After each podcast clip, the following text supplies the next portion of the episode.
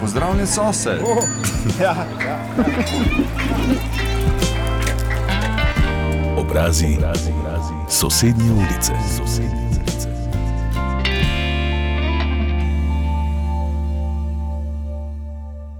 Dober dan.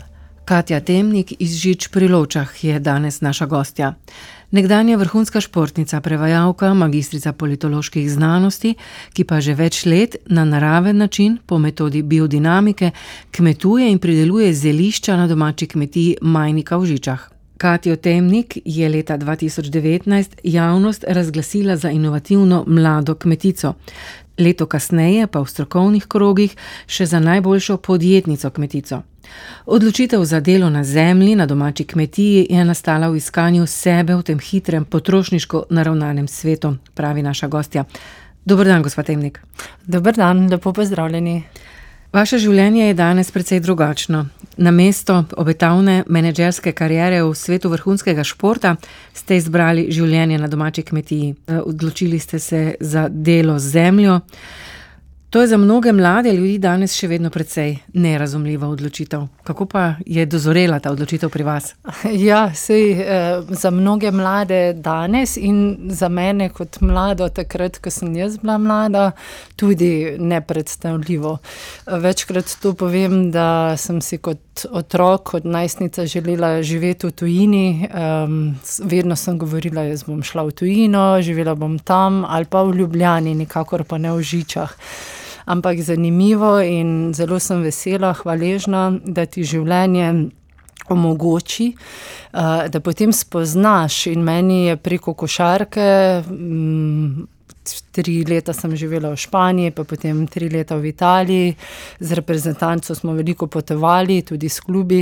Um, omogočila, da sem svet videla in to tujino, kamor sem si želela, in zelo lepo so me posod sprejeli.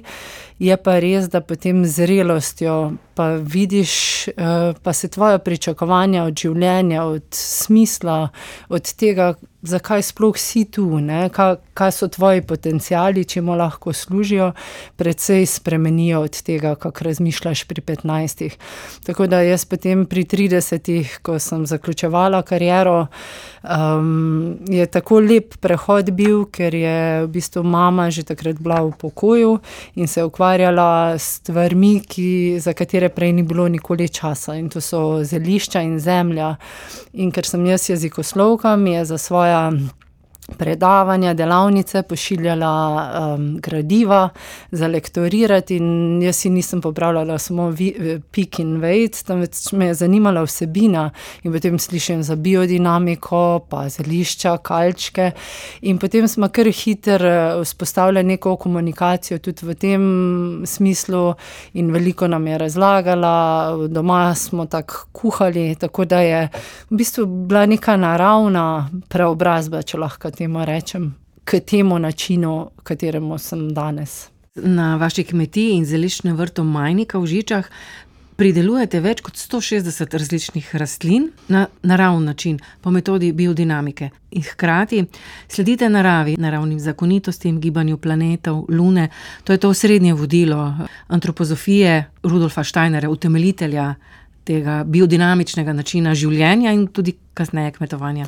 Ja, tako je. Um, v bistvu moram priznati uh, to, da če bi šlo samo za neko pridelavo zelišč ali pa rastlin, kmetovanje, se gotovo jaz ne bi temu v taki meri posvetila, ker pa je mama um, mi predstavila, me uvedla v biodinamiko, ki izhaja iz antropozofije, iz duhovne znanosti, ki je v bistvu temelj osebnega razvoja človeka, človeka in človeštva, in ki ti omogoča, v bistvu, da s pomočjo narave in pa seveda lastnih spoznanj v življenju odkrivaš, kdo človek sploh je, zakaj smo na tem svetu, kakšna je naša odgovornost. Ne? Kakšen je smisel, kaj, kaj v bistvu je naša naloga. E, torej, če ne bi bilo tega antropozovskega temelja pri našem ukvarjanju, pri tem, kar danes počnemo na naši kmetiji Majnika, e, potem verjetno se ne bi, ne jaz, ne mama ukvarjala. Je pa res, e, tukaj je to zanimivo, da torej gre za način ekološkega kmetovanja, uh, kjer se ne uporablja kemičnih sredstev, hkrati pa se uh, gleda tudi na procese narave. A veste, narava je res ena sama modrost. In mi na mesto, ta sodobna materialistična znanost je šla v ekstreme v razčlenjevanju narave, v pol v kombiniranju. Ne? In tudi pojmuje naravo kot nek stroj, kjer ti sestavljaš dele. Mi pa sami že iz svojega telesa vemo, da nismo sestavljeni iz roke noge, ampak da smo nek organizem, da nekdo organizira naše roke noge. In tu, to je pri biodinamiki zelo pomembno. Torej, in da gledaš na rastlino kot na organizem, in na žival, in hkrati tudi na kmetijo kot na organizem. In organizem ima čist druge zakonitosti delovanja kot stroji. In ta organizem, kmetijski, vključuje seveda ne samo zemljo, ampak tudi sonce, luno, eh, to imajo zelo pomemben vpliv na to, kako kvalitetne rastline bodo zrastle. Naša gostja je Katja Temnik iz Žič, kmetica, Tako. ki po biodinamičnih metodah na domači kmetiji skupaj z družino prideluje zelo različne rastline. O tem, kako pridelujejo te rastline, kako nastajajo te zdrave rastline, v nadaljevanju naše oddaje. Obrazi sosednje ulice. Naša gostja je Katja Temnik, ki na kmetiji v domačih žičah prideluje rastline na naraven način, po biodinamični metodi.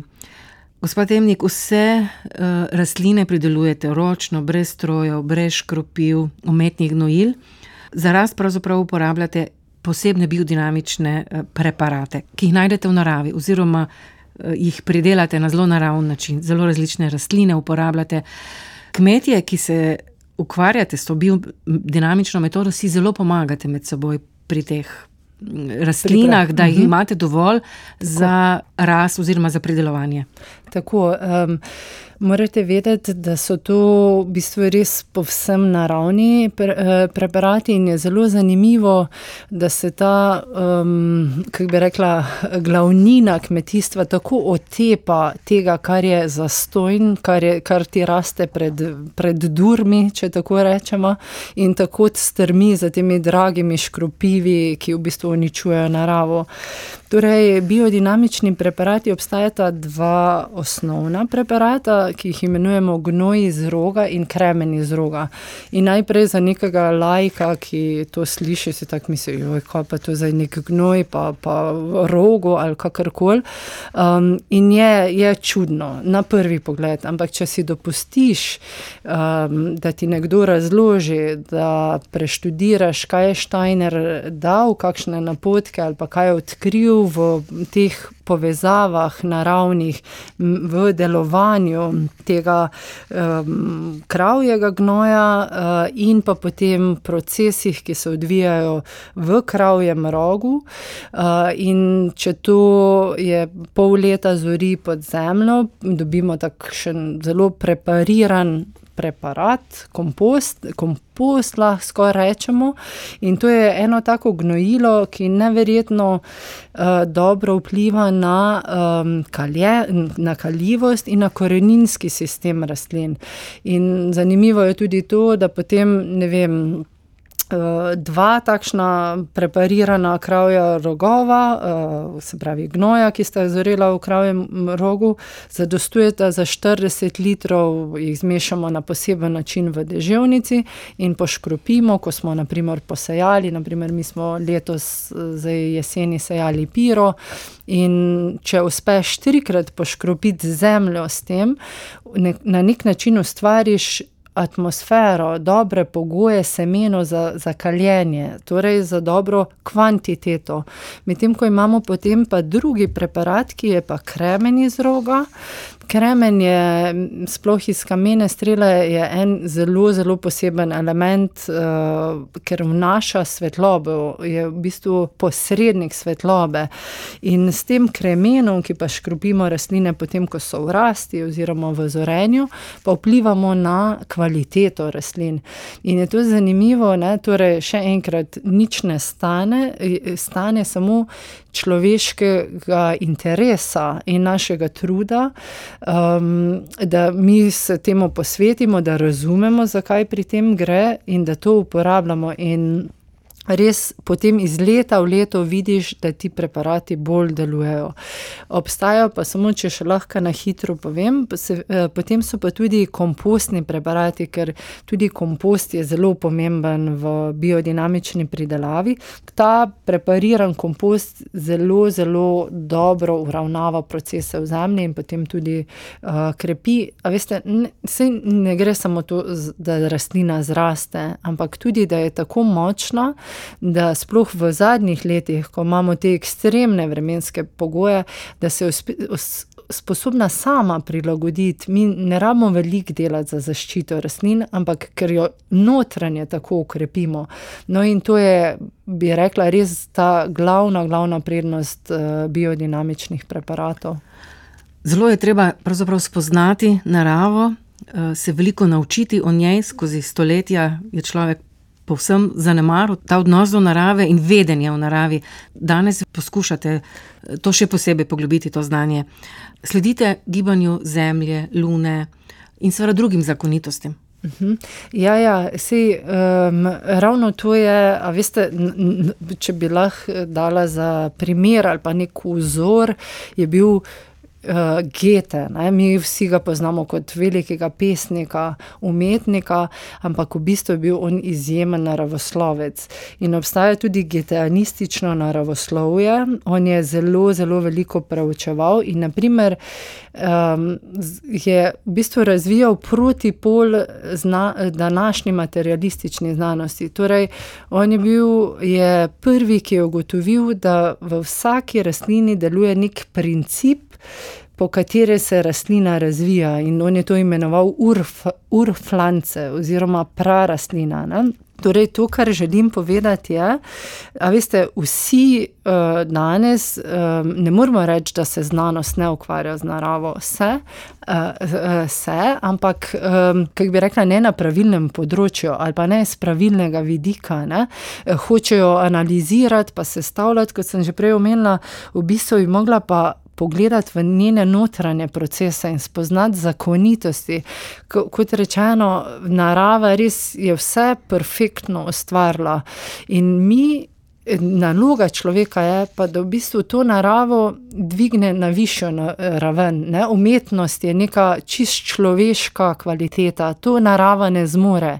Ampak biodinamični preparati pa so že neka vrsta umetnosti in človek, človek danes in pa kmet danes mora biti umetnik, ampak v tistem pravem smislu, ne v banalnem.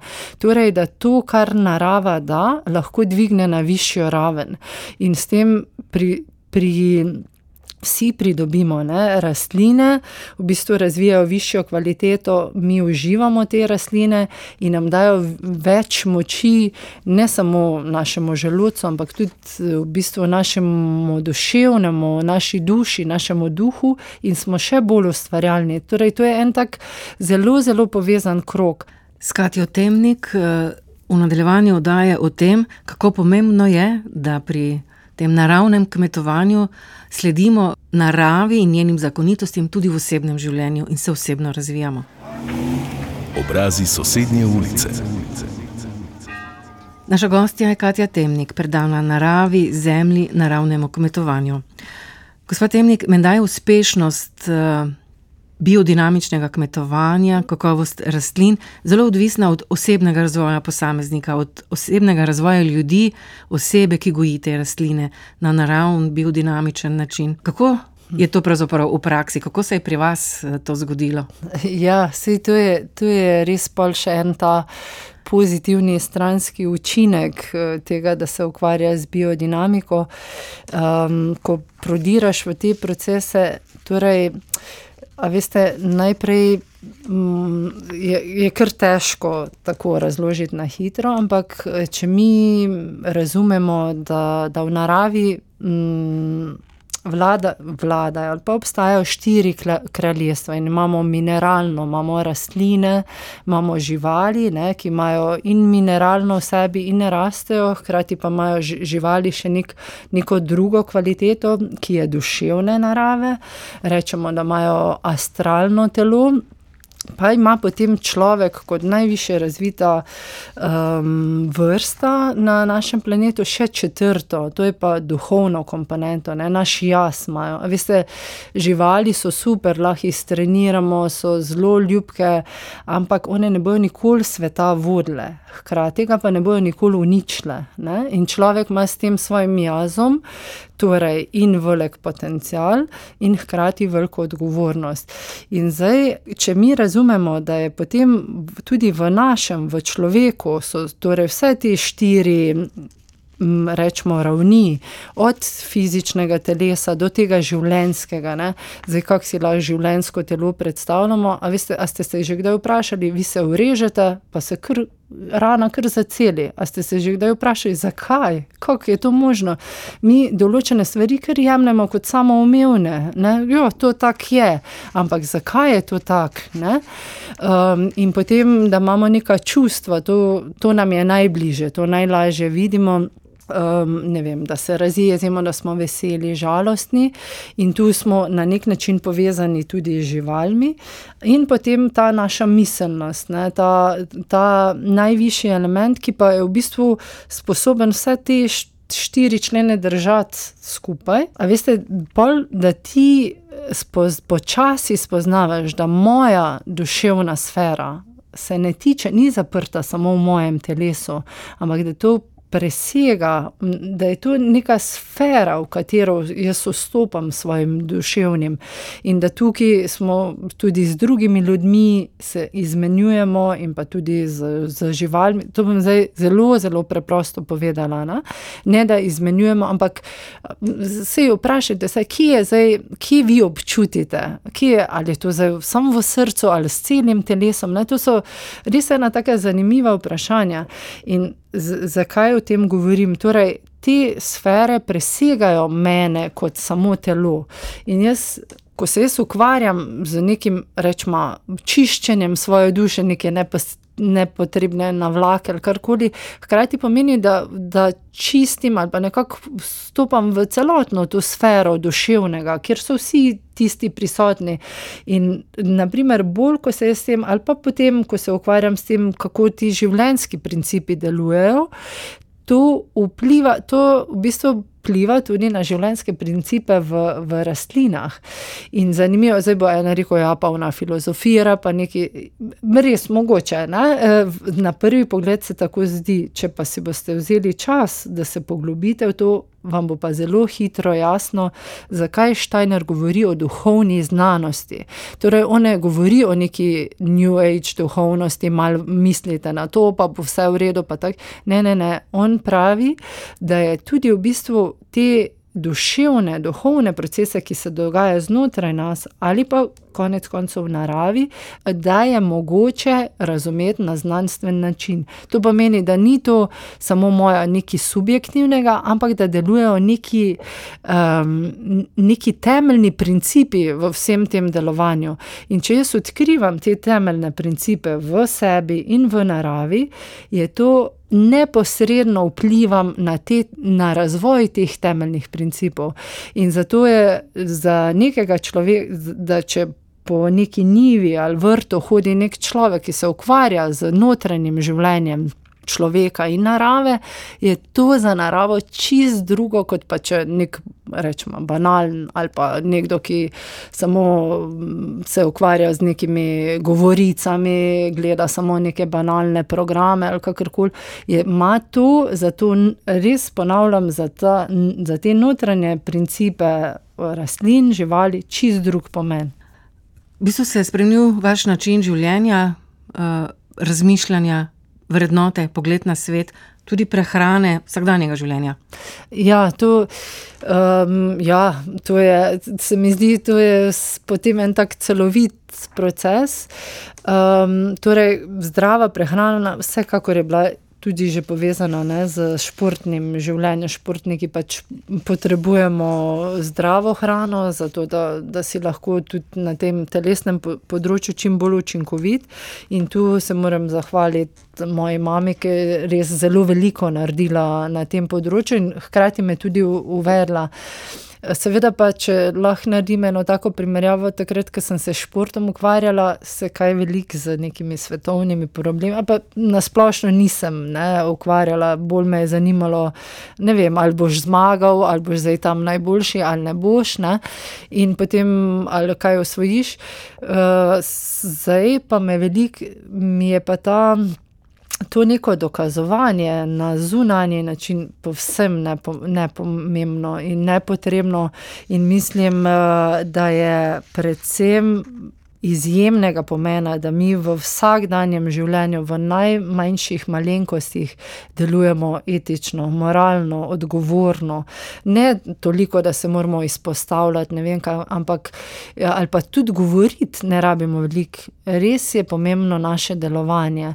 In tukaj v današnjem času mislim, da še imamo nek pravi občutek, neko pravo vest, kaj je prav in kaj je narobe. Se pa bojim, da je v tem brzečem svetu in tem banalizacijo vsega, s tem virtualnim svetom, da se ta občutek dosti izgublja. Obrazi sosednje ulice.